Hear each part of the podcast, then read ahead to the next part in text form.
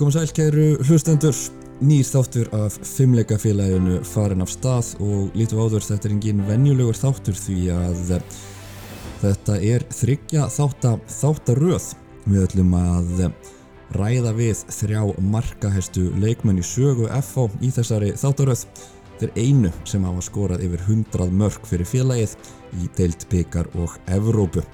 Að venjum þá eru okkar bestu styrstaraðalar sem ger okkur þetta klift. Unbroken, það er frábært sérstaklega úr enn að standa við áramóti heitið stjúlega að mæta í ræktina.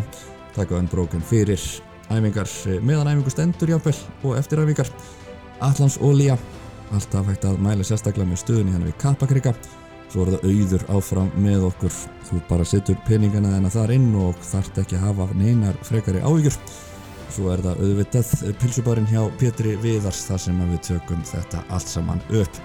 En uh, gestur minn að þessu sinni, það er einn besti leikmaður í sögu efstu deildar á Íslandi og sérstaklega auðvitað í sögu okkar F-fáinga. Kom uh, til okkar frá Nóri, var það búin að vera að spila þar og á nýju árum þá tókst hann um að skora, hvað voru þetta, 118 mörkaldi fyrir félagið Fyrsti erlendi leikmaðurinn til að fara yfir 100 mörg í efstu deilt á Íslandi, Stephen Lennon. Welcome to the show. Thank you very much. It's a pleasure to be here. Yeah, so how are you doing? Great. Yeah, just settling into my, my new role at the club. Yeah. Um, yeah, and just enjoying life. Enjoying life, coaching, coaching the youngsters. Yeah, exactly. It's uh, brand new to me, but um, so far so good. Um, I'm You doing already brought some titles in. Yeah, exactly. We stepped no champions of fjórði flokkur, so it's a good start. Um, so, uh, like you know, I have annar flokkur and fjórði flokkur, so it's two completely job uh, different jobs. So, A uh, lot yeah, to do. it's, yeah, it's good. Okay, we go into that uh, a little bit more uh, in a while, but I'm gonna I wanna go over your career Yep, mainly sure. with uh. But if we like, if we go back to your first season in Iceland, Yeah. you joined from in the middle of the summer, uh, and you managed to play FH in one of your first games at Fram. Yeah, that's right. Yeah. Uh, that was probably the first time you ever heard Yeah. about the club. Like, did you have any like feeling from maybe other Fram players or or the coach that like FH will be a like FH was a big club in Iceland at the time? Well, actually, when I came over, I came over for maybe 10 days to practice um, with Toddy, who was a coach at Fram. He wanted to see how I was as a player and more so how I was as a character. So, actually, the game I watched that week was Fram v FH. So, I had a good view of how FH were playing. They were one of the strongest uh, teams in the league. So, I watched that match, was impressed. Um, wasn't so impressed with Fram, to be honest, because we were bottom of the league with one point. But strong squad. Yeah, they were. Yeah, Yeah. they were. But I think they just needed a goal scorer, which was why I was here. Um, and then obviously later on in that season, we played against FH and played here at Kaplakriki, and uh, since then it's been the best place to play in Iceland. Uh, but like there were also, I was looking at that Fram team, and there were also like you were not the only Fram player that then went on and joined FH. Exactly. There was Sam Tillen and Sam Hewson, and of course they were Former FH player. yeah, as well, yeah, exactly. And they were also a huge factor of me coming to FH uh, from Norway. So uh, I'm luckily they were here first, or I could have been elsewhere. But if we shift our focus to the next season with Fram, because the match between FH and Fram that season, uh, were you familiar with this singer guy, Jon Jonsson? Never heard of him. No idea. He definitely made an impression on you too. exactly. So no, I had never heard of Jon. Um, yeah. So obviously they were. I think it was 1-0 to them, and it was like the ninety first minute or something, or close to that. Um, I think me and him were left at the halfway line. The ball got cleared up to me, and he maybe didn't want to be left one v one with me, so he just smashed me from behind, and yeah, the rest is history. He broke my foot, and he, like three he celebrated as he walked off. So But like I wanted to mention because following the incident involving the red card and like the subsequent communication with Jon afterward, Yeah. it was kind of like a strange thing that he definitely like seemed sorry and remorseful and he even dedicated a song to you, I think.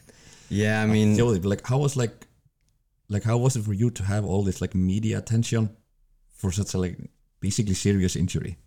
Yeah, I mean, I just, I mean, of course, coming from Scotland and playing, I was at Glasgow Rangers, so there always is media attention. So it wasn't something that was like different to me, but for getting tackled, maybe it was. Um, and still, I never knew who he was until maybe the evening after it happened.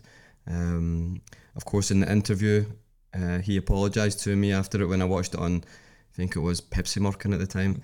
Um, and then the next day, he came to my apartment with his album, some FIFA games, apologised, but it's football. These things happen, and I held no no bad grudges. And you managed to get him back the next season. Exactly. We, one of my first game back, we were playing against FH here at Kaplakriki, and I think it was like the third or fourth minute, the ball broke right between us. So I just didn't even look at the ball and gave him one back and told him that was that was what was due. Yeah, and then well, you, even since then. Yeah, exactly. I mean, and then a few months later or a year later, then I became his uh, his teammate here in FH, and um, I loved having him as a teammate. Uh, before we go into your FH career, I want to ask you about uh, one thing about your stay in Norway because I was like reading up on your stay there, and there was one uh, news item that piqued my interest. Uh, it was that there were some difficulties for you training with them because of horse allergies. Well, it wasn't a horse allergy; it was hay fever and stuff, and it was just cut grass. But we're training next to. Um, we couldn't train at the training ground because the bad weather, I think. So we moved next to these stables of horses and a lot of cut grass and stuff. So I think I mentioned that I had an allergy and we're training next to some horse stables. They're cutting a lot of grass. So it got picked up as I had a horse allergy. and then, you know how it is, they made a story about it. Yeah. And then, but So fake news, basically. basically, yeah, as usual. so when you joined FL, had they stopped training at the Staples? yeah, like I think so. And now they have a brand new stadium with artificial grass. So it would have been nice if I was there then. But like, if you transition back to your decision-making uh, process regarding which team to join in Iceland after your stint in Norway, because I remember it's like rumors arrive about what you will do because there was like in the news that you were thinking about coming back to Iceland, and it seemed like a lot of teams Yeah. were trying to get your uh, signature. Uh, could you provide me some insight into your like thoughts during that period? Yeah, so first of all, I went to Norway and I think I signed like two and a half or three year contract there. I didn't really realise the kind of style we played and it really never suited me. We were a relegation battling club. Um, so I was playing a lot on the wing, but it was a lot of just defending. Um, we stayed up the first year, uh, so we're still in the Premier League, but halfway through the second season, I'd started all the 15 games, but the coach got fired, and I found this is a time maybe I can try and go back to Iceland where I enjoy, get back scoring goals. So I spoke to my agent at the time. He spoke to a few clubs in Iceland, and as you said, there was interest, and it basically was an agreement from Sandnes Ulf and both FH and KR. They were gonna give Sandnes Ulf the same amount of money Because to take me Kaura back. tried to bought you like basically every year since you joined Fram. Yeah, so when I went to Fram, and before I went to Norway, I had told Runar and KR I'm going there at the end of the season, and Fram, I would basically say they forced me to go to Norway because I'd said no to this move. Then I got a call saying, "Hey, Lenny, we've booked you on a flight with Uden Helgeson, who was the assistant. Go and check this out." so I didn't wanna, but I went over. Sun was shining, thirty degrees, blue skies. So Not I, getting that in so I says, "Wow, this is different. Where do I sign?" Yeah. But yeah, so back to the decision to come back. Um, it was just a, a choice between FH and KR. I'd spoke to Runar on the phone. Heimir never called me. It was Big EO, Ah, yeah. who was general manager, who called me. Um, and to be honest, I was really, really impressed with Runar. I had previously wanted to play for him, um, but I had Sam Hewson and Sam Tillen speak about the club, great facilities. Um, they were a good team at the time. They were in Europe at the time, so that was a little bit more interesting than going to KR. Although I was very sad not to be able to work with Runar, to be honest. But like upon joining FH, were there any aspects about the club that surprised you during uh, the initial days? Like whether it was because the facilities or like the intensity in training or something like, especially if you compare it to your time in Fram. Yeah, of course, the intensity in training at every big club compared to a smaller club is completely different. But I got that when I went to Norway because it is moving quicker, it's more physical. So it was a similar step from Norway training to coming to FH. But in terms of facilities, I mean, in Fram, we were training in Safamýri and playing at the National Stadium. So they never really had their own place to play. So coming here, fantastic facilities. We had the two small halls halls at the time, and of course Kaplakriki, um, great coach in Heimir, uh, good people in the staff. Uh, Louis was there, um, and yeah, we were in Europe, and that was one of my first games. We flew private to Sweden, so that was a nice feeling as well. It was against what Elfsborg, Elfsborg, right? yeah, yeah. Uh, but like, uh, so you felt like you were like very well, very welcome just from the first day. Yeah, basically just Yeah. fitted in straight away. Uh, I had two other British guys and a team of players who are basically on my wavelength. So off the field, I do normally fit into any group that I'm put to, and then on the field was just a great connection straight away But can you recall your first goal for FH against Elfsborg. Yeah. Yeah, so in the Europe League? Yeah, that's right. So my first, I flew over.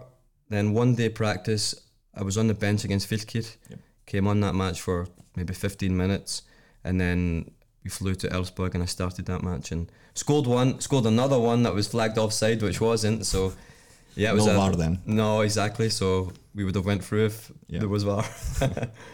But like, how important is it for a striker to like get to the score sheet almost straight away at a new team? absolutely like so important and i wrote down that that was one of my most important goals Yeah. in my career. I think going to any club um, if you're a striker you just want to get your name on the paper and then things will roll from there. But if it takes four five six games you still haven't scored. People start talking things go in your head that shouldn't be there. You start doubting yourself but i managed to get a, a goal straight away and then yeah never really stopped since. But like, I wanted to ask you about that aspect of the game because I think like any forwards players, they almost go through like some dry spells Yeah. in their career. Like, how do you cope with that? Well, actually, growing up, I, haven't, I never grew up as a goal scorer. I started my career as a defender, and then into midfield in my teenage years. It was only when I was 18, 19 where I started playing as a forward player, and then as a full striker, really, when I came to Fram, to be honest. So, yeah, I mean, I hadn't been natural goal scorer through my life, and then when I came to Iceland, I started scoring a lot. Um, there's been rare occasions where I have went through a, a dry dry spot in my career. There was at the end of my career, but it's been pretty consistent so far uh, with Fram and with uh, FH. So Yeah, that's why it's more than 100 goals, I guess. yeah, exactly. Yeah. Well, like, uh, I think it was during your first season uh, with FH, you played against Fram. I think it was here in Kaplakriki, and you had, I think, one of the weirdest injuries a man yeah. can have. Your dick got cut open, right? Exactly. I was actually telling this story the other day. So the story is, I was, I think it was close to the end of the match, and I jumped up for a header with the defender, and as he's landed, his like cleats at the bottom have got stuck in my shorts, and like basically took the skin on my dick and stretched it so much that it split. So it wasn't gruesome painful. It wasn't painful, but I could feel a burn. So I looked down and I had like blood all inside my shorts. So I was like, wow, okay. Went to the side to the physio, turned away from the crowd at Kaplakriki to show him. And I went, right, okay, the whistle's just going, just come off. So they put paper stitches in it in the locker room. And then after that, I went to the hospital. They put a needle in it to numb it and then put proper stitches in it. So it was. It was a horrible in- injury, and there is a, still a small scar there Oh, okay. to this day. But like your dick wasn't the only organ that got broken that season because Stjarnan broke all our hearts. Exactly. How's that for a transition? wow, yeah, well done. Uh, but can you describe the atmosphere and like morale within the team post match against Stjarnan? Yeah, it was it was really really horrible. Um, of of course, going through that season and especially at the end, we were cruising through the games. I think winning the games, and then I would come into the locker room, look at the starting score. Oh, they scored in the ninety third minute to win one 0 So they kept on coming. They kept on coming. So then on the last the last day of the season, it was all down to the one game. Uh, amazing occasion, horrible weather Yeah, absolutely horrible. yeah, six thousand or so people there. Um, yeah, and we played okay. We were down one 0 obviously the controversial goal Yeah, offside, offside goal. um, and then Veigar Páll got sent off. So obviously I thought to myself, okay, we're in control here. We're gonna at least score one to win the league. It happened. I scored the goal, and then Heimir took me off. Yeah. Ten minutes to go, and I was feeling good. Um, and then we missed a few chances. Because the game was going at the time, I mean, we were battering them. Yeah. We had so many chances. Exactly. So, of course, we can all talk about yeah, the offside goal and the penalty wasn't a penalty, but we should have done it ourselves. We should never have had these these um, decisions made for us that cost us a league. We should have finished it ourselves, and I wish that I could have stayed on the pitch to finish it myself. But it is what it is. That's football. It was a horrible feeling. Um, pr- probably, yeah, probably the only time I've had tears in my eyes after a game of football. And then in the evening, the local hof was supposed to be amazing, but it was just quiet, horrible. I think I stayed for maybe an hour, then just left. But like, uh, was the group like determined to like, like how long did it took the team to be determined to come back stronger next season? I think the first day we came back in, basically. I think since that game we were. Did Heimir give like a big speech or anything like that? Not at all. Um, he, he never really does that, Heimir. He he knows the type of players we have in that dressing room and he trusts us a lot. Um, of course, David is there, who's a big character and a big, like, he manages the, the locker room. We never had a sit down and talk about it. Okay, this year we're going to be doing this or that. I think we just stuck together. We all had it personally in our head from the year before. And yeah, we were determined to, to win the league the next year. And uh, I don't think it was the best of seasons in the world, but we managed to win the league. Yeah, that was your first league title. Exactly, yeah. So how did that feel? Yeah, it was great. Um, yeah, I mean, it's always nice as a player to to win something. Um, and then I think it did we win it with a few games to go? Uh, uh, yeah, Yeah. So yeah, quite clear. yeah, quite clear. So it wasn't where it was so exciting. It was kind of a month out. You realised it was going to happen. It wasn't like maybe a cup final where you get that adrenaline rush. So we knew it was going to happen, but it's always nice to have next to the name. Yeah, and then another win the next season as well. Yeah, exactly. So that should have been the like three in a row, but Yeah. two in a row was nice. 2016 season also came down to the game before the end of the season. I think so, right? yeah. we beat Fjolnir, I think, to win the league. So that was nice. Also, back to back champions. Yeah, but that was like like actually like very strong FH team as well. Yeah, I think those years 2014, 15, 16, we had a strong squad. Yeah. Um, and then obviously Heimirs last year, 2017, still a decent squad. We just didn't perform to the level we, we should have. Mm, But like you actually came flying into that season.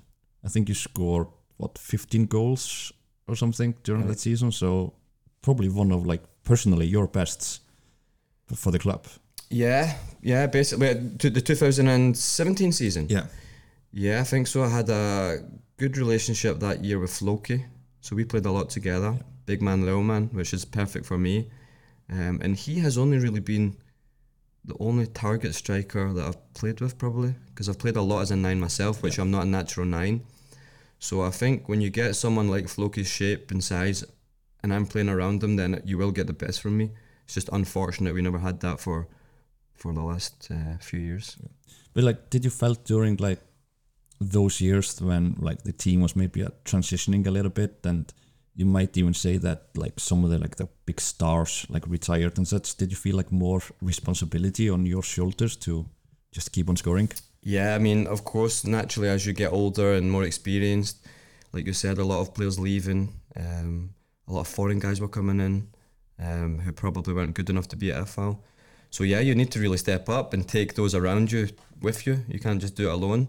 So, you need to step up and show good examples in practices, uh, every day in training. Um, and of course, you can't do it alone. So, like I said, you need other guys to come with you and step up. But yeah, I mean, and of course, as a striker, you're always selfish. If you're losing, you still want to get your name on the on the score sheet. So you have that pride about yourself, where you want to play well, score goals, and hopefully that can uh, win games for your team. But like after that season, 2017, uh, Heimirs uh, left and uh, Ole Christians came in, and there was like a huge change in both the squad and the culture for the club. Did you at any point felt like feel like there was uh, too much of a change? Like there was an influx of new players. I think there was in the in his first game in the league five new players in the starting lineup, and then more than joined even afterwards. Like did that did that have an effect on the squad? Um, it's difficult to say. I mean, of course, new coaches come in. Heimir had been here for a long time. Ole is, of course, his own man, as everyone knows. He's been successful abroad. He is a good coach, and I, I was one of the guys who really liked having Ole here.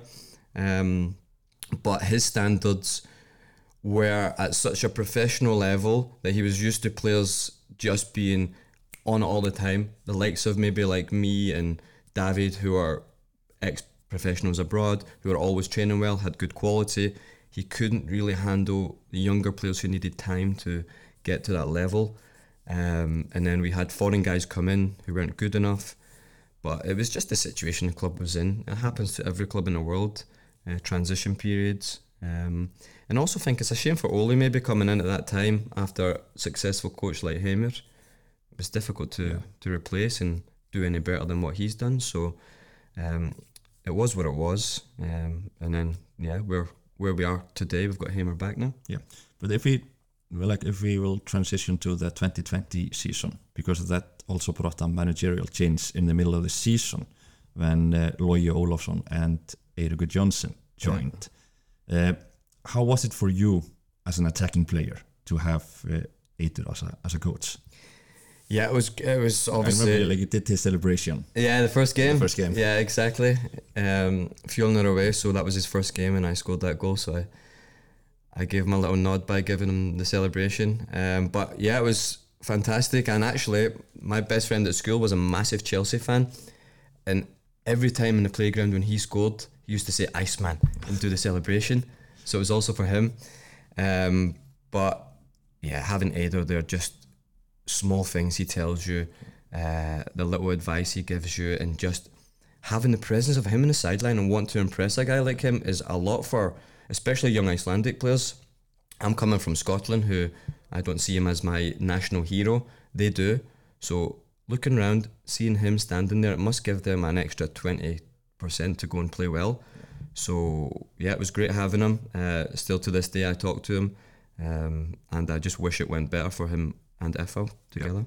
But like that season, 2020 season, you seemed absolutely unstoppable. Yeah, it was a it was a very good season. Um, like you said, I think every good player has a season like that throughout throughout the time that's happened in Iceland, and I was due a, a proper season like that. It's been I'd been knocking on the door of having a season. I've had a few injuries that kept me back or whatever throughout the, the following years, but that season everything went to plan. Uh, I was allowed a lot of freedom from the coaches just to do what I do. Um, also, big shout out to guys like Jónatan Ingi and Hörður Ingi who played on the opposite side from me. So they linked up a lot together, dragged a lot of players over to them, and it freed up so much space for me to do my movements in the box. They found me and I scored the goals, so I got a lot of credit. But those two guys really, really helped. But there was like a lot of talk in the media about that you would like definitely break the goal scoring record. You were at 17, I think, 17 after 18 after games. 18 yeah. games. Was four games left. Yeah. One of them against Grótta. Yeah, there was a few. Was at the bottom of the league. So like, how pissed off were you when the, the season got cancelled with only four games left? Yeah, it was. It was Because like I think everybody knew that the goal record would be broken. Yeah, of course. I mean, I think the game previous I'd scored like a hat trick or something yeah. against IA, so I was flying, ready to go. There was a pause, I think, for COVID, so I was out. Yeah, I think the season didn't start until like June or something. No, and then it stopped again. Yeah.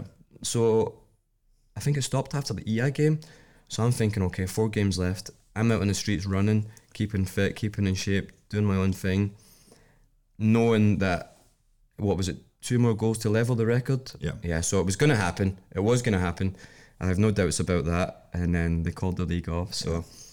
They say statistically I have the record, but um, it isn't to be, and yeah, is what it is. Yeah. It doesn't So it, It doesn't does- keep you up at night. no, exactly. It doesn't matter too much. I mean, I know what I've done here in Iceland for FH and for myself, and I'm still proud of that, no matter having a record or not. But then, like, what happened, like, during your last seasons with FO? It seemed that you became, like, very unlucky when it came to timing on your injuries. It always seemed like you were, like, managed to get yourself into the starting lineup, scored a couple of goals, and then, like, you would break your hand or something like that. They didn't have. It wasn't like football injuries. No, like At all times. last year was a complete nightmare because I had the 2020 season, um, and then 2021. I can't remember how how that went. So last year, this time last year, I was flying in pre-season, playing all the games, feeling great. Hamer had just came in, Yeah. And he was like playing you in. Yeah, he was playing me a little deeper, so I was more almost like a midfielder, attacking midfielder. So I was more involved in a build up because I have those qualities as well. I'm not just a goal scorer, and I was really enjoying it. It was something new for me to learn. Um, so, like I said, most games I was scoring or assisting. Team was doing well. We go to Tenerife, feeling great, trained well. We came back from Tenerife, sitting on a flight for six hours. I didn't move from the flight, and then my old injury that I had in 2017, uh, 2018 flared up again, which is like a, on your sit bone, there's a bursa, like a sac of fluid Yeah. that protects it. So because I sat for so long, I basically stood up and I felt it straight away, and I was oh shit. So the next day in training, I could feel it again, and that really stopped how I could play. I couldn't get into my sprints. I couldn't shoot properly. So I trained the next couple of days. We played Vikingar in a practice game like five days after we come back from Tenerife, I think it was. Um, I scored in that game, and then in the second half, I was going through one v one. Had a full shot with my left foot, and I really just felt that really go Yeah. on the the hamstring attachment. And then since then, I was injured for a few few weeks or months. Came back, got fit, started the EBVAF game, made an assist, scored a goal, broke my hand, Yeah. and then that was basically it done. Yeah, because I remember like I think it was the first game that season was against was it against Stjarnan Right. and that like the middle ground, and I remember like when you weren't in the squad, like people were so surprised because you had been playing like every game preseason Yeah. and playing well. So Well, that injury happened like ten days out from the start of the season. yeah, So, I, like I said, I'd it wasn't until then that people like realized oh, I actually got injured Yeah. like, during preseason. like, and it's it's hard to take because during that preseason this time last year and in the Tenerife trip that we were on, I was saying to myself and others, "Hey, I've got five more years here. I'm playing for until I'm forty. I'm going to take Tryggvi's record." Yeah. I really felt like that. But football's football. Things came up, got injuries, bad timings, horrible ones like hand injury that I had surgery on, and then yeah, just had to go to Þróttur, yeah. play my last games there, and, And was, it how, was how was playing for Þróttur? really nice Yeah. actually. Uh, at the place I was in, um, coming back from hand injury, the team FH was doing okay, so I couldn't really get myself back into the team. Um, so I said to David, look, if the season's going to end, if my career's going to end at the end of the season, I want to go and play. Um, so I went to Þróttur, Houston was there, of course, and then it was just nice to play again, uh, a little bit lower level, and just uh, start trying to score goals again. And my last kick of the ball ever in football was for Þróttur, left foot goal. So if I could finish on that, then What a timing! exactly. But you mentioned your last kick in, in football, so have you have you made a decision about about next season? I think I have, yeah. Yeah. So obviously I've been given this role in FH to coach. Um, something I never really thought too much of doing, um, but they offered me the opportunity, and I thought, okay, if I try and play more, maybe this opportunity doesn't come next year. So I took the job, but I'd given myself time until now. Basically, if I wanted to find something that was that was uh, interesting to me, maybe in the lower divisions or even any division, but I realised quickly that there's so much time that goes into coaching, Yeah. so I can't really practice with anyone.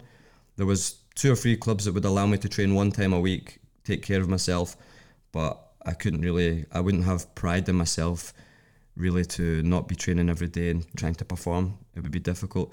So yeah, it leads me to now, which I think I I'm going to be officially retired, um, and just fully concentrate on coaching. Yeah, enjoy the the perks of retirement. Well, there's not too many when you're coaching. There's a lot more time spent coaching than playing. So, but at the moment, I'm really all in on the coaching. I'm loving it, uh, trying to learn as much as possible, um, and hopefully, it's the start of a, a great career. So this is a good good interview to go over some of the highlights Okay, of your great. career.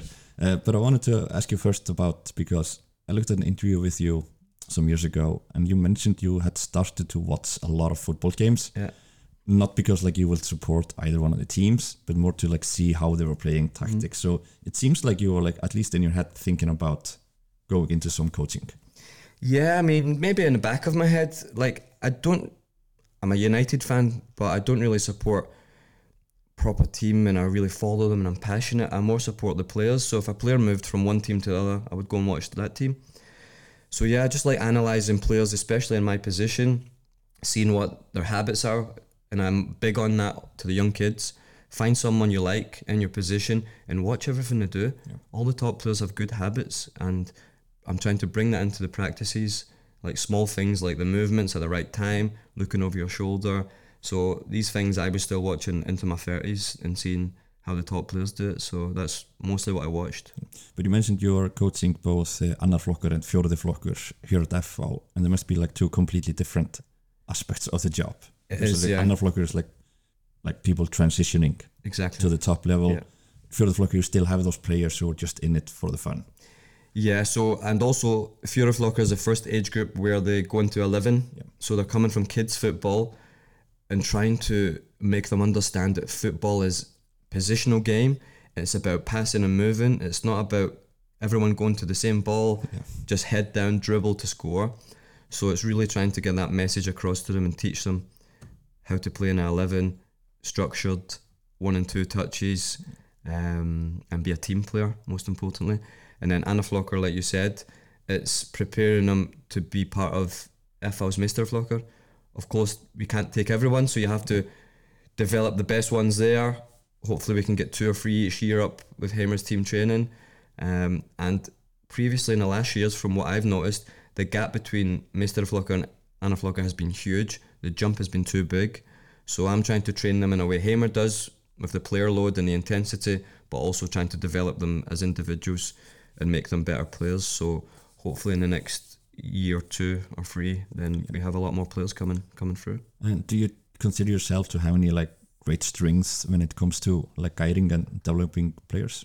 Yeah, I would I would say so. I'm quite natural at when I was in my career, obviously talking to the young players and giving them a little bit of advice and stuff. Because I remember back in the days when I was a young player and one of the the older guys who were like at the top of their game were giving me small little little bits of advice. Then how much it meant to me and how much I was like, oh, he really likes me.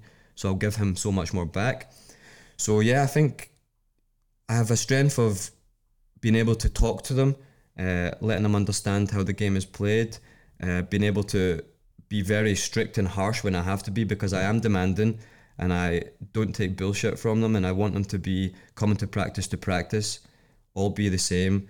No divas coming in wearing their earrings and stuff. They all take their earrings out. They all dress the same and they practice to become a professional footballer. Um, so I'm strict in that, that aspect, but I'm also very friendly with them.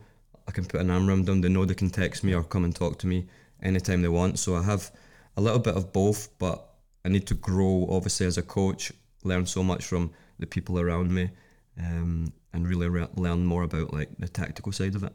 But I, I was talking to Kjartan Henry recently, and he was talking about like he was quite taken aback when he came to FH and was like he felt that now was his time to be like a responsible older player to give guidelines to to the younger guys, and he said that compared to like his own youth days, Yeah. like he didn't take any advice from anybody. He always thought that he knew best.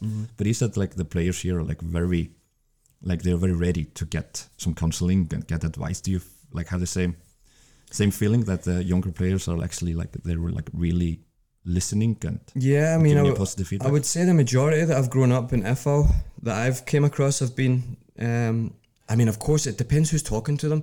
Is Kjartan Henry talking to them? Of course, they're going to listen to him. It's not just some average player. It's a guy who's one of the best goal scorers that's played in the in the country. So I would be surprised if anyone was like, "Hey, shut up, mate! I'm not listening to you." And, and the same with me. I would expect them to listen to me, but most of the FH kids are great. I mean, they're all hardworking. They have that FH spirit, but we can't just rely on that. We need to start producing proper, clever, intelligent players. So the more they listen from the guys like myself, Kjartan, and Emil Pals and stuff, then they're going to learn so much. You get the odd guys who just come to training and are disrespectful to the other players who just come for a laugh and stuff. So I, to- I tell them, if you're doing that, you can go down to the B and the C group and have fun with your friends. But if you want to become a footballer, then be serious. But like, uh, if you compare like uh, the facilities the youth guys are playing in here, like I mean, obviously you were at like a huge club from what ten years old or Yeah. something, but like, does the facilities we have here compare to that? definitely. in any way, yeah. yeah, definitely. I mean, so So the guys here are like really lucky to like have all this in place. They are, of course, they pay for it, which is another thing that I'd never paid for that academy back in, in the UK. So before the academy days, like from five to ten, I would just be playing with a local team. It would be someone's dad on a on a Tuesday night, one time a week. These kids are training like three, four times a week. Yeah. And With like professional coaches. with professional coaches who, like myself and Big Andy Pugh, Emil Pals, who really want to do well in the game and really want to help and become a coach, not just some random guy who's taking a salary just to, to babysit. So we really want to help them. So in a way, they're so lucky. Uh, they could be outside. I know it's cold in these halls, but there's no wind, no rain, no snow. More excuse to just keep on moving. Yeah, definitely. So a lot of well, not a lot of them. Some of them do moan about the conditions of it being too cold, but we're blessed. Imagine being back in the day where you had to do handball in the winter. Yeah. You couldn't do football. It's a completely different world, and I hope they really they really understand that they have a big opportunity to get better at football. Um, obviously, Haukar, or Happenfield are building a hall across the road, so hopefully we can we can use that facility as well. But like, uh, if you go back to your career, uh, do you have any like standout goal that like holds a special place for your memory from FH? Yeah, there is. I mean, I have scored quite a few decent goals. I haven't scored a lot of tap-ins. You were Um, poking a bit at Atli Vidar, who was your earlier about Yeah, you're I'm- scoring more goalies than him. Exactly. I mean, Atli's favourite goal is from, from five metres out with an open goal. I don't score goals like that. I wish I did. I would have so much, so much, so much more goals. Um, there's probably four or five that I really enjoyed. Um, if we had won the league in 2014, the goal against Stjarnan would have been my favourite just because it was good team play from Jon Ragnar Atli. Nice turn and finish by me, and it would have won the league. That would have been the favourite goal. Um, but KR away, I scored like a volley. 40 meters Yeah. or something. Like Uh, what what what was like going through your head? It was just instinct. Yeah. So, yeah, I think that it was a long ball, goal kick from them. Because it doesn't seem like the goalkeeper was that far out of the goal. No, so it was basically David headed it over my head to Castellion. I turned around. Castellion had, well, he was probably taking his first touch, but it bounced back to me, and then it was just perfect to hit. I don't even think I looked where Beitir was, goalkeeper. I think I just hit it, and it was clean off my foot. And as soon as it left my foot, I knew it was a goal. Yeah. So that goal was one of them. The ÍA goal in Kaplakrika, Yeah. the one that came off my back through the legs. And then I'm more happy about the finish. It was left foot, just focus on technique, like I tell the young players, and I just drilled it into top corner. Uh, that was a last minute winner. Yeah. Um, I also scored the one against Leiknir when I was sitting down. Keeping up yeah. that sitting was- down. And, And that's just like something that just happens. The same as the KR game, the same as the ÍA game. and you scored a hat trick in that game as well, I think. Yeah, yeah, And then I scored one against Lahti away in Europe, uh, in Finland. That that was also a, a very good goal. So it's difficult to choose, but I think if the ÍA game was scored by a player at the top level who was well well known, that would be up for like a Puskas award or something. it was it was, was that pretty good? Yeah, it was pretty good. Um, I just wish it wasn't just against ÍA and it was maybe for something more important. Yeah. But do it, are there any goals from your career with FH that like is also like important because they were just like so hugely important for the team or yourself? You mentioned the the first goal against uh, Elfsborg in the Europe. Yeah, and I probably will choose that. Um, like we talked about, as a striker, your first goal is is major key basically um, to get off the mark. There's not been I've not scored many goals that well I've scored a lot of goals that have won games, but I wouldn't say that I've won championships. That's just happened throughout the season. But I think as a striker, as a forward, the first goal is is very important. So I think I'll choose that. Choose that one. Uh, but I also asked you to assemble a five-a-side team Yes. comprised of solely your former FH teammates. Yeah. I imagine that have been a difficult task because you've played with some amazing teammates here. I did, but I think I've I have kind of done this question before. Um, so I do I do basically have the same team almost all the time. Um, so if we're using a goalkeeper, then I think there's only really I, tri- I was with Rolo Robbie in the first year, first two years, and then Gunnar Nielsen came in, and he's been here the longest. So I think I'll choose Gunnar in goals. We won the league together in 2016. and for a few seasons after that, he was great. I know it didn't end so well with Gunnar, but um, But a great goalkeeper. yeah, a great goalkeeper and a super guy, great guy. Um, really, really nice guy, great teammate. So I think I'll choose Gunnar. I'll play one defence, two midfield, and one forward. So the defender will be Jonathan Hendrickx, Yeah. who I think is very underrated. I know people think he's a good player, but I think at this level he was really, really good.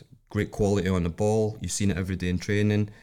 And the players I'm choosing in my team are the players who I had a great connection with on the field. Yeah. So he would be on the same wavelength, see my runs from fullback, put me in one on one a lot of the time. Um, he could be a little bit annoying in the locker room with a lot of the boys. I didn't mind him so much. I just told him to shut Yeah. up. But I knew he did rub a lot of players up the wrong way. But I would definitely choose him as the Definitely defender. one of the best fullbacks that have played here. I, I can't I can't think of anyone who has been better. Uh, he just doesn't get that credit maybe that he should get.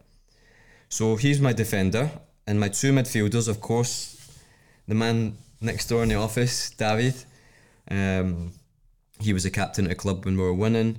Um, another one who underrated as a player. He had a real, real good left foot, and he was also so important for me. I almost played like a ten coming off the left, finding spaces in behind their midfield, and he would always know where I was going to go. We just had this like connection. He was thinking what I was thinking. So without guys like him, then I wouldn't be the player I am because I'm not a, I'm not a get the ball, dribble past five players and score. I need clever players to be on my wavelength, see my runs, and find me. But like on, on a personal level, like off the field, how important is it for, especially when new foreign players are coming to the club, to have a captain like David to like Yeah, exactly. And uh, you know what he's like. He talks to anyone, talks about anything. Talks too much to anyone. Talks too much to anyone, exactly. So he was actually, when I first signed in the game against Fylkir, he was the guy who drove me to the game. So obviously got time to talk to him in a car. I didn't have any idea who he was at the time. I actually never knew he was a captain because he was suspended maybe for that game. I just thought he was just some guy on the bench. so yeah, he's great guy, great captain, great leader. Of course, this is his club, and now he's obviously uh, working here full time. Uh, whatever he does, I don't know. Um, so yeah, he'd be in the five-a-side team and would be the captain of that team. And then alongside them will be a surprise to a lot, but I always mention him, Brandur Olsen. yeah. Um, okay, he wasn't. the uh, He was some of the fans' favorite. Some fans thought he was a little bit lazy. He had the reputation of being lazy. You could see the see the quality that he had. the quality was.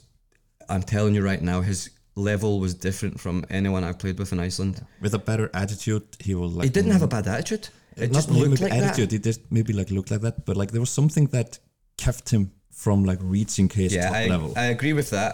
I wouldn't call him bad attitude, and I wouldn't call him lazy because the numbers in the running from the games are up there. yeah, I think his body language and that like people see that you see him like frustrated walking around but sometimes you don't see him running off the ball. Yeah. but the quality in his right foot was ridiculous. Like I haven't heard anyone that I've trained with in Iceland hit the ball as clean as him because it sounds different. It really does. The way it flies through the air the sound of the connection um, also good connection with him on the same wavelength um, he's an international player, so I just wish. And he was coming. He was coming back from a bad knee injury when he Yeah. first joined FH. yeah, he was. So it's hard to judge him. Um, but from what I've seen and what I, the passes he can give you and stuff, it's just it was another level to anyone I've played with, and I just wished it, wished it was for longer. So he's definitely in the team. And then moving up top, it was a choice between the two athletes, and naturally, of course. But I played a lot more with Atli Gunnar than Atli Vidar. I think I was basically signed to replace Atli Vidar. So a lot of the time I was playing, he was on the bench. He would come in for me. He would play. I would be in the bench. So we never really got so much time together, which is unfortunate because it would have been in our primes amazing together. But the same with Atli Gunnar, like we had this connection where we just knew what we were thinking. Quite similar players in a way, but very different in the same way. Um, so yeah, he was like a quiet guy, but a great guy. Um, could always talk to him and ask for advice if you needed it. I sat next to him in the, in the locker room for a lo- for many years. Um, he's assisted me for many many goals. So if a guy's giving you a lot of goals, then you have to stick him in your team. Definitely. So that would be it. That'll be a good team. Yeah, I hope so. Yeah, I will want to see a match between your team and, and Viðar's teams. Okay. That'll be a good one. Uh, but like, if we shift our focus to the some of the European games, Yeah. because obviously that's like, in most cases, especially here in Iceland, those are like the biggest matches that you can compete in. Definitely. So, are there any like games or away trips that stands out to you? Yeah, I mean, so the probably after the starting game 2014, which was a great spectacle with 6,000 and stuff, after that game, my favourite games are the two Braga games. So obviously, we had them in the first game in Iceland. Amazing weather, sun was shining, and it was a pretty well known, well, Braga, they are a well known team. So I didn't really know what to expect with them. I was quite worried this could be 4 or 5 nil here. I'm quite worried about this, but I think from the first whistle, I just felt great. We all started playing well. Like I was just getting a lot of touches on a ball and linking up well. So I was like, "Wow, I feel good." I could feel like the, my first contact with the centre backs. I could feel like I'm stronger than these guys. They were quite good footballers, but they were quite physically weak. They were skinny and stuff. So the contact I had with them, I was like, "Okay, I can, I can deal with this easily." And then we played well. Um, Halldór Orri scored that amazing goal. I made the assist for that goal, and then Emil Pals came on and ruined it for us. so we were winning 1 0 for a long period of the game, right? Yep. And then I've joked about this before with Emma, so I'm just having a laugh. But he came in, and the first four minutes he had the ball, it got snatched from him. They went up and scored. And then I think, I can't remember the second goal they scored, maybe just something similar. Yeah. So that made it 2 1 at Kaplakriki, is that right? Yep. I think so. So that was never a 2 1 game. I think actually at 1 0, Atli Una was going through 1v1. I was running next to him. He could have passed to the side of me and I had an open goal, but he fell on the ball. Is that right? Yeah, I think so. Yeah. I think I remember that. And then Emil came in and ruined it. Yeah. And then, so we go to Braga. But it, did the first game give you confidence for the second Oh, game? for sure. That's what I'm just about to say. We went to Braga with like spirits up. Hey, we dealt with this. We probably played better than them. We didn't get the result. So I went over very confident. So you go over there, amazing stadium, this unique stadium that's that's built at the side Good of a cliff. Yeah, amazing weather as well. Beautiful hotel. So these are the games that you live for basically as a footballer, especially in Iceland. So yeah, the game starts. Well, actually, the training the night before was really good. The surface was amazing. You could just feel everyone was on and ready. So I had a real good hope for that. So yeah, the game started. We were playing well, and then I don't. I think we maybe had a corner. Then it got played back out to Atli, and Buddy was still up. Yeah. So Atli then whips in a corner, and I'm at the back post, and I just see Böðvar flying in. Was it a diving header? It, it was, yeah. Yeah, diving header. First It was goal. long, I think he did. They have long hair then. I can't uh, remember. No, I, I can't remember if he had the long hair or he had the, the B5 haircut. Right. Okay. Well, he came flying in, scored a goal, and I was like, "Wow. Okay. Nice." One You must have been surprised to see Buddy scoring. Exactly. I was shocked to see him in the box. I'm surprised he didn't take a touch and pass it backwards.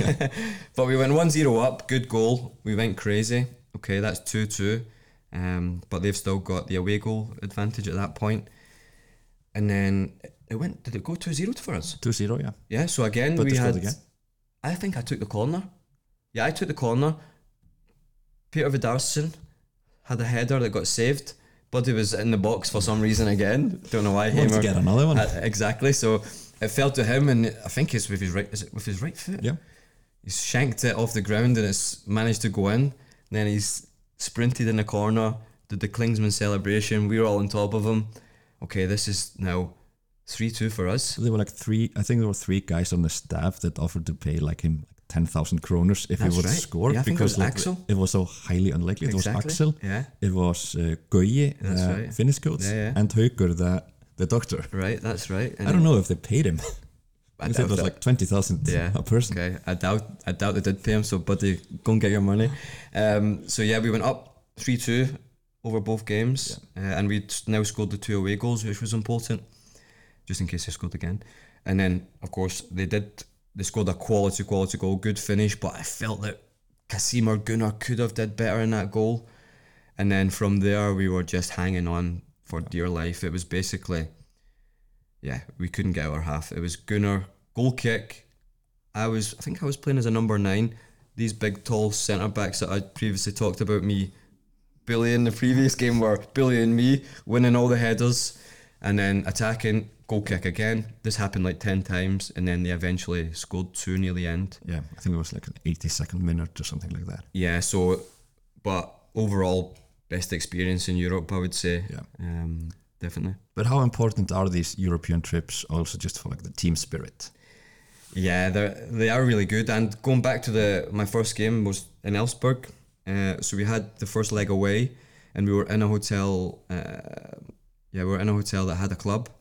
So Heimir said we performed well. We could maybe go down until twelve o'clock. We've got an early, early uh, flight in the morning. So yeah, that was my first time being all together with the boys, having a few beers and getting to know them off the field. So things like that are are priceless, to be honest. Yeah. Um, yeah, spending time in each other's room, just having a laugh, it's it's great. But it's often suggested that like enduring friendships are quite rare in football due to the like frequent team changes, players and the go. But like reflecting on your career with FH, have you found there to be like a long lasting friendship with some of the players? Yeah, for with? for sure. Like I've been here for many years, and of course the British guys that I was at Fram with, like Hewson and Tillen. I meet Hewson regularly. Tillen now lives in the UK. He's coming over on Easter, and he'll he'll come and visit me. So yeah, of course I speak to them. Davi's always in Kaplakrika, very friendly with him, and Daniel Busey. Yeah. Me and him are, have a real good connection. Um, actually, when Busey first when he came to practice with us when he was in Denmark, I, I wasn't so sure about this guy coming in and thinking he was a man. I wasn't so sure about him. And then we signed him, and then after a week, I just realized his humor is just like mine's. Yeah. And we, to this day, we get along so well. But like uh, also like reflecting on your career, uh, you're the first foreign player in Iceland to get more than 100 goals in the in the top league. Is is that of any like importance to you? Yeah, I mean, it's always good to tell that story and for my son to see it and stuff. Um, like the ultimate goal would be to get to Tryggvi. Like this time last year, like we talked Yeah. about, I was getting there, but and then it took a while to get this hundred goal. It really did. I was stuck on ninety nine. I was having a bad season, or goal wise at least, and then it eventually came, and it's more like a relief, um, more than anything. But like you said, it is it's a great club to be part of. There's very few, especially being the only foreign guy. Well, Patrick has 99, so he'll be overtaking me after one game. But that's fine. If anyone was overtaking me in Iceland, I would choose Patrick every day of the week. Great guy, great player, and I hope he does it in the first couple of days of the season because he he is a top top goal scorer and to be honest, a much better natural goal scorer than me. So, so yeah. Um, but yeah, it's great to be in the hundred club. But like, do you follow like when you were playing like all these shows like the Pepsi Mörkin and like the podcast at .net? Do you like follow what people are saying about your career? Um, Pepsi Mörkin I watched m- Yeah. not all the time. Um, if I scored, I would watch it. no, I, I would. Yeah, I would. The clips came on sometimes individually of the games the next day on like Yeah. Vísir and stuff. So I would watch maybe our game and stuff like that. But these podcasts, not interested in them to be honest. That talked about my football. Um, I know I don't speak Icelandic, but I understand basically everything. So I know what people are saying, and if they're speaking well of me or speaking bad of me, I could not care less. The only people I care about is what people in this building think of me, what my family think of me. Um, yeah, and people close to me. Like outside opinions, do not care. So talking about like inside this building, you must be happy to see your name up on the on the wall with the other two players that score more than 100 goals forever. FH. Yeah, it's great. And Huddy and Atli, two complete legends here, goal scoring legends. And like I says, I was not a natural goal scorer for for someone my qualities and the way I was as a player to get there. That's what I'm most proud about. Not the goals, like being able to adapt into a goal scorer and and get to like their level and getting into the hundred club with real top goal scorers like them too, then it is of course an honour and they're two great guys as well. So it's nice the club finally did something for some ex players and put us on the wall and I hope they continue to do that with uh, players who have who have played well for them throughout the years. Have you mentioned to Heimir and, and David how big the wall we will need to to have picked to like count down to to their names there? What does David have? Like three goals or something? Something like that, I think. Yeah, exactly. But he talks games. about it a lot. Yeah. And then Heimir, I'm not sure actually how many he scored. No, he didn't score much, at least for FH. Yeah, exactly. It would be, yeah, we'd be building the Great Wall of China to get their names on it. Well, Steven Lennon, thank you so much for your time. Uh, it's going to be a pleasure to follow you in your coaching career. Brilliant. And uh, like how you talk about it, it seems like it can go on for a while. I hope so. And thank you again very much for inviting me on here. It was a pleasure. Thank you. Cheers.